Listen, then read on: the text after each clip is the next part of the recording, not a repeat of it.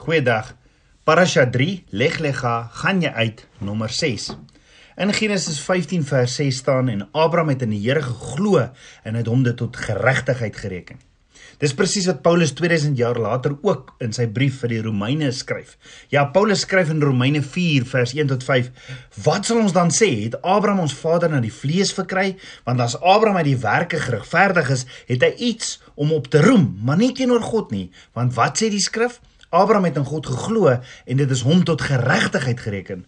Maar aan hom wat werk, word die loon nie na guns toegereken nie, maar na verdienste. Aan hom egter wat nie werk nie, maar glo in hom wat die goddelose regverdig, word sy geloof tot geregtigheid gereken. Nou om te verstaan wat Paulus hier skryf, moet ons eers weet Abba Vader het Paulus gekies om 13 boeke in die Nuwe Testament te skryf. Let wel, Paulus was 'n Jood, Handelinge 22 vers 3, uit die stam van Benjamin. Romeine 11 vers 1.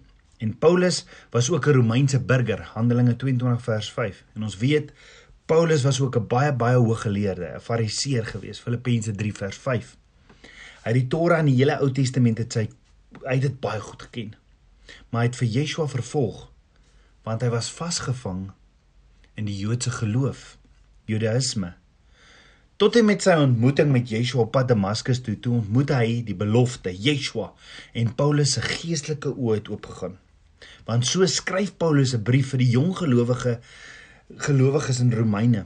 Romeine 4 waar ons weet daar was twee tipe gelowiges, naamlik die Jode en die Gentiles. Eerstens as ons kyk na die Jode, daar was ook die, twee tipes jong Joodse gelowiges in in Romeine vir wie hy skryf, naamlik die wat gebore is as 'n Jood en in die Joodse geloof glo.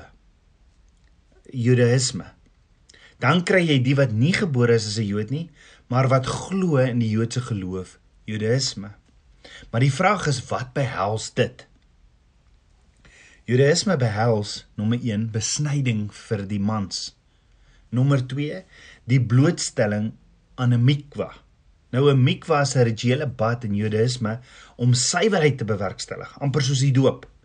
Dan derdens ook om oor te gaan in werke van die wet of die Torah soos Paulus dit noem.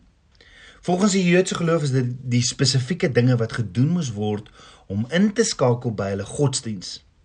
Let wel, die Joodse geloof, Judaïsme, is nog steeds vandag besig om te konvert of om oor te skakel na om mense oor te staak, om mense te word. Met ander woorde, jy moes hierdie 3 dinge doen om die geloof van die Jode aan te neem en dis presies wat jy vandag nog moet doen om die geloof aan te neem. Tweedens, dan het jy ook in Rome die Gentiles, die wat nie Jode is nie gekry. Wat is 'n Gentile? Gentile in Hebreëus is melahim wat beteken 'n menigte of verskeidenheid van nasies.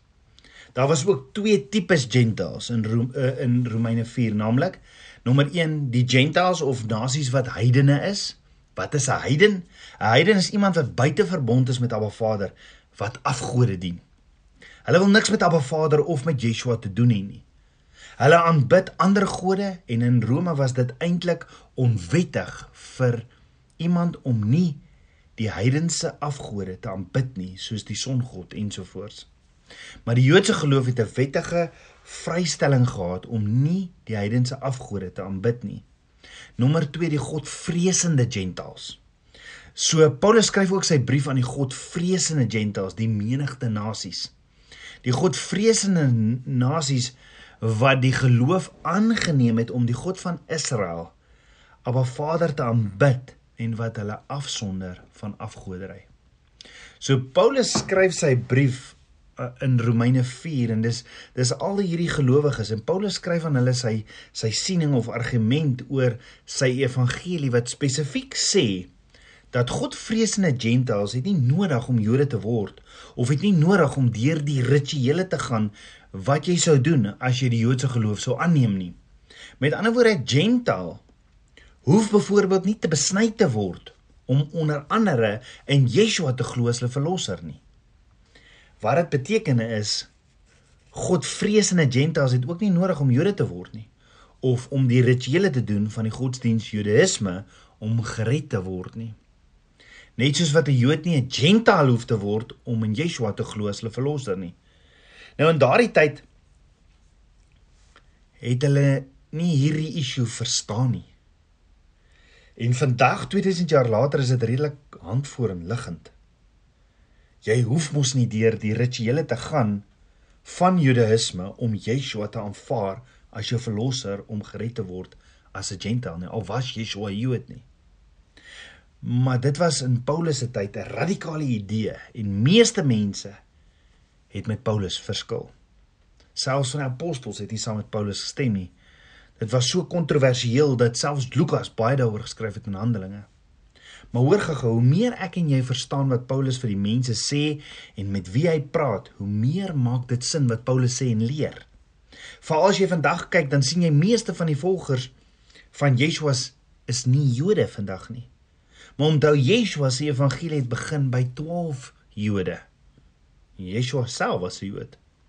So dis moeilik vir ons om te verstaan hoekom dit in daardie tyd so kontroversieel was dat jy nie eers deur die Joodse ritueel moes gaan om 'n disipel van Yeshua te wees nie. Want ek meen Yeshua was self 'n Jood en sy disippels. So die mense vir wie Paulus skryf in Romeine 4 was met ander woorde vir die Joodse gelowiges en die proselite. Wat is 'n proseliet? Dis iemand wat van een godsdiens na ander godsdiens soos Judaïsme na toe konvert. Maar Paulus skryf vir die Gentiles en die Jode wat Yeshua wil aanvaar as hulle verlosser en saligmaker dat hulle nie deur hierdie rituele van die Jode hoef te gaan of van Judaïsme hoef te gaan om 'n disipel van Yeshua te word nie. Paulus sê byvoorbeeld in 1 Korintiërs 7 vers 17 tot 21 maar elkeen moet wandel net soos God hom dit be toe bedeel het soos die Here elkeen geroep het en so bepaal ek in al die gemeentes is iemand as 'n besne besnedere geroep hy moet die besnydes nie laat verander nie is iemand as onbesnedes geroep hy moet hom nie laat besny nie die besnydenis is niks en die onbesnydenheid is niks maar die onderhouding van die gebooie van God laat elkeen in die roeping bly waarin hy geroep is. Nou ons gaan kyk wat Paulus in Romeine 4 skryf, maar voor ons daarna kyk, moet ons ook weet wat is Paulus se reël vir die bruid van Yeshua. As iemand vir jou ooit vra wat is Paulus se reël vir al die kerke, dan is dit as jy 'n Jood was toe jy 'n disipel geword het, dan bly jy nog 'n Jood. As jy 'n boer was toe jy 'n disipel geword het of 'n gentaal, dan bly jy nog steeds 'n boer. So hoekom sal Paulus so reël maak? Want Paulus sien gentaals is gentaal gelowiges in Yeshua as 'n vervulling van profesie en die vervulling van dat Yeshua waarlik die Messias, die belofte is. Want die woord sê die gentaals, die menigte nasies sal na hom toe stroom. So kan ek gou vra as jy een vers kan noem wat die hele evangelie sal opsom.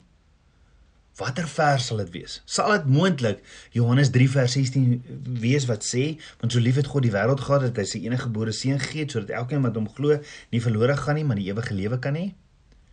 As Paulus praat van die een vers wat die hele evangelie opsom, dan is dit Genesis 22 vers 17, waar Abba Vader vir Abraham sê: "In jou nageslag sal al die nasies van die aarde geseën word omdat jy na my stem geluister het." Paulus sê die een vers wat alles opsom is in King James in thy in thy seed shall all the nations of the earth be blessed because thou hast obeyed my voice. Okay, as ons dit verstaan, moet ons ook die volgende net verstaan. Paulus gebruik sekere terme vir die Joodse geloofstatus of iemand wat die godsdienst Judaïsme aangeneem het, want onthou nou weer, hulle het sekere rituele gehad om te verduidelik wat noem jou huisgesin pink melkies of Nesquik. Sommige mense noem dit pink melkie of maar in my huis was Nesquik genoem melkie suitjies van kleins af. So as jy my broer of suster moet vra vir bietjie melkie suitjies, gaan hulle presies weet waarvan jy praat en hulle sal dadelik vir jou maak. Maar gaan vra ek by 'n spar toonbank vir melkie suitjies gaan hulle my snaaks aankyk hoor. Net so het Paulus ander name vir die godsdiens Judaïsme of die Joodse geloof gehad wat ons nie altyd verstaan nie. Paulus gebruik die volgende terminologie vir Jodisme, status of Joodse godsdiens, naamlik Joods wettige lede van die nasie van Israel, legal members of the nation of Israel, besnydenis, 'n proseliet in die wet, onder die wet, werke van die wet. So Paulus gebruik hierdie terminologie vir mense wat die godsdiens van Jodisme aangeneem het. OK, dit alles gesê, Paulus sê in Romeine 3 vers 28 tot 31 ons neem dus aan dat die mens gereg geregverdig word deur die geloof sonder die werke van die wet. Of behoort God net aan die Jode en nie ook aan die heidene verkeerlik uitelik vertaal want dit staan eintlik gentiles nie? Ja ook die heidene heidene hierdie heidene is eintlik verkeerd vertaal as gentiles dan vers 30 aangesien dit inderdaad een God is wat die besneede sal regverdig uit die geloof en die onbesneede is deur die geloof maak ons dan die wet tot niet deur die geloof nee stellig nie inteendeel ons bevestig die wet sê Paulus. So wat beteken dat die mens geregverdig word? Dit beteken om regverdig voor Abba Vader te staan. Dit beteken nie ek het nie sonde nie, maar dis wanneer ek voor Abba Vader staan en ek het al my sondes aan hom bely en gevra vir vergifnis. So regverdig beteken nie dat jy sondeloos is nie. Dit beteken dat jy met geen sonde rondloop wat nie bely of vergewe of skoon gewas is nie. Soos Abba Vader se woord sê, iemand is 'n regverdige man, was dit nie gebaseer op enige groot dade of of offers wat daardie persoon gebring het nie. Nee, geregtigheid is te vind in 'n vertroue op ons Skepper se goedheid en genade. Geregtigheid is 'n oorgawe aan Abba Vader se wil vir jou lewe om sy stem te shema, Heer, listen nou by. Geregtigheid is om in verbond met Abba Vader te leef. Geregtigheid is om in jou wandel opreg te leef volgens sy woord. So Paulus sê ons neem dus aan dat die mens geregverdig word deur die geloof in Yeshua sonder die werke van die wet. Jy sien meeste Jode glo dat 'n mens net geregverdig word deur om die Joodse godsdiens Judaïsme aan te neem. Net soos daar baie gelowe wat glo jy moet 'n institusionele verbintenis hê, jy moet aan 'n denominasie behoort om 'n verhouding te hê met Abba Vader. En in die tyd wat Paulus hierdie brief skryf, was die aanname dat jy moet in die Joodse godsdiens wees om geregverdig te word en daarom skryf Paulus hierdie brief aan hulle dat jy hoef nie 'n Jood te word om 'n disipel van Yeshua te wees om geregverdig te word nie. So Paulus sê ons neem dus aan dat die mens geregverdig word deur die geloof in Yeshua sonder die werke van die wet. Met ander woorde, sonder om Jodis, Jodisme aan te neem as 'n godsdiens. Daarom sê Paulus verder of behoort God net aan die Jode en nie ook aan die Gentiles nie, ja ook aan die Gentiles wat in Yeshua glo. En dan gaan Paulus verder en sê, aangesien dit inderdaad een God, Vader, Seun en Heilige Gees is, wat die besneenes sal regverdig uit die geloof in Yeshua en die onbesneenes deur die geloof in Yeshua. En dan vra Paulus, maak ons dan die wet tot niet deur die geloof. En dan sê Paulus nee, stellig nie. Inteendeel, ons bevestig die wet. Met ander woorde wat Paulus eintlik hier vra is omdat gentiles gered kan word deur hul geloof in Yeshua, beteken dit nou dat die die wet onder andere die Sabbat sommer nou gekanselleer is? Nee, stellig nie sê Paulus. Maar soos dit moeilik was vir Paulus om dit te verduidelik dat hulle nie die Joodse geloof of hierdie rituele hoef te doen om in Yeshua te glo nie, net so vandag 2000 jaar later gebruik mense Paulus se woorde uit konteks uit om te sê dat ek sien daar sê Paulus die wet is gekanselleer, die Sabbat is gekanselleer deurdat ons nou net in Yeshua glo. En niemand het dit ooit vir iemand geleer Paulus se tyd nie. Inteendeel, dit was nie eers 'n gedagte wat by iemand sou opkom in daardie tyd nie. So Paulus vra: "Maak ons dan die wet tot niet deur die geloof?" En dan sê Paulus: "Nee, stellig nie. Inteendeel, ons bevestig die wet." Hoe so? En is hier waar die vader van geloof dan nou inkom. Want hoor wat sê Paulus in Romeine 4 vers 1. Want sal ons dan sê het Abraham ons vader na die vlees verkry? Nou die vlees verkry beteken fisies. Met ander woorde Paulus vra, het ons Abraham as die vader van geloof gekry volgens die vleeslike?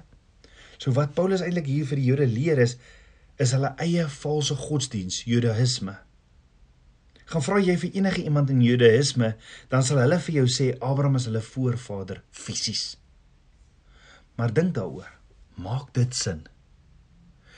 Kan die godsdiens Judaïsme dit sê? Nee. Want onthou, proseliet kan konvert na Judaïsme. Maar hulle is nie die oorspronklike fisiese nageslag van Abraham nie. So daar moet dan op een of ander manier 'n verbintenis wees met Abraham as die proseliet enigsins kan werk. Paulus sê in Romeine 4 vers 2 tot 3, want as Abraham aan die werke, die Judaïsme ritueel geregverdig is, het hy iets om om te roem, maar nie teenoor God nie. Want wat sê die skrif? Abraham het in God geglo en dit is hom tot geregtigheid gereken. Abraham is geregverdig deur sy geloof en dit was alles lank voor hy nog besny is. Besnyding het eers later vir Abraham gekom dit wat Paulus vir die mense probeer sê het heel eenvoudig dis wat hy vir hulle probeer sê het. Want want dink daaroor wat sê die woord in Genesis 15 vers 6 voor Abba Vader sy verbond sluit met Abraham? Genesis 15 vers 6 sê en hy het in die Here geglo Abraham het in die Here geglo en hy het hom dit tot geregtigheid gereken. Nou hierdie woordjie gereken is die Hebreëse woordjie kashab wat beteken to think make a judgment or count. Met ander woorde, Abraham het Abba Vader geglo en Abba Vader het dit gesien. Hy het daaroor gedink, dit geoordeel en dit gereken as geregtigheid. So hoor gou voor Abraham nog besny is, sê Abba Vader vir Abraham: "Abraham, kyk op na die sterre. Kyk nou op na die hemel en tel die sterre. As jy hulle kan tel, so sal jou saad jou nageslag wees." En Abraham het in Abba Vader geglo en hy het hom dit tot geregtigheid gereken. So waaroor Paulus so opgewonde is en waaroor hy skryf is dat Abraham het geglo. Dis die geloof van Abraham wat hom geregverdig het. Dit beteken nie hy gaan nie getoets word nie. Dit beteken ook nie dat hy nie gaan moet gehoorsaam wees nie. Nee, sy geloof gaan maak dat hy moet oorgaan en doen want geloof in Hebreëus is die woordjie emuna wat beteken 'n ferm aksie in die wil van Abba Vader. Is Abraham se geloof getoets? Ja, veral toe hy in geloof op Abba Vader se woord sy seun Isak moet offer. Maar op hierdie punt het Abraham nog net geglo dat sy nageslag so groot sal word as die sterre van die hemel, dat die belofte van Abba Vader uit sy saad sal kom en Abraham het daarin geglo. Wat was die belofte nou weer? Hebreërs 11. Yeshua. Maar dink gou daaroor. As Abraham moes werk om die geregtigheid te verdien in Abba Vader se oë deur besny te word of om deur 'n mikva of deur die wet wat eers later vir Moses op Berg Sinai gegee is en hy moes die godsdiens van die Judisme aanneem om sy geregtigheid te verkry. Sou hy dit mos nie kon regkry nie, want eerstens hy's nie Yeshua nie. Hy's nie sonder sonde nie. Tweedens die besnyding het eers later gekom. En ons weet die wet het eers 6 eeue later ehm um, gekom. En die godsdiens van die Judisme het eers gekom baie jare in elk geval later. Dit het gekom van sy agterkleinkind wat een van Jakob se 12 seuns was. Die punt wat Paulus maak is dis geloof en is nog altyd geloof wat ons red. Selfs Dawid sê in Psalm 32: "Aba Vader, vergewe en gee geregtigheid aan die wat gesondig het en tog verdien mense wat gesondig het nie vergifnis nie." Met ander woorde, selfs Dawid wat 1000 jaar voor Yeshua geleef het, doen 'n beroep op genade. Met ander woorde genade is nie 'n Nuwe Testament ding wat gekom het na Yeshua gekruisig is nie. Nee, dit was nog altyd genade. Jy sien genade is meer as 'n beginsel, dis 'n kenmerk van 'n Vader. En dan gaan Paulus verder en hy sê in Romeine 4 vers 16: Daarom is dit uit geloof sodat dit volgens genade kan wees en die belofte kan vas staan vir die hele nageslag. Nie elkeen vir die wat uit die wet is nie, maar ook vir die wat uit die geloof van Abraham is, die vader van ons almal, soos geskrywe is. Ek het jou 'n vader van baie nasies gemaak voor die aangesig van God en wie hy geglo het wat die dode lewend maak en die dinge wat nie bestaan nie roep asof hulle bestaan. Abba Vader het Abraham die vader van baie nasies gemaak. Die vader van geloof as gevolg van sy geloof en dis nog ver lank voor hy vir Isak in gehoorsaamheid sou offer. Kom ons bid saam. Aba Vader, koning van my hart, Vader, ek loof en ek prys U. Vader, kom was my met die waterbad van U woord en leer my asseblief meer en meer van U geheimenisse. Vader, open my oë. Mag oogskille van my oë afval asseblief, Vader. Meer en meer van U. Ek bid dit alles in Yeshua, Messie se naam, die seun van Jahweh. Shalom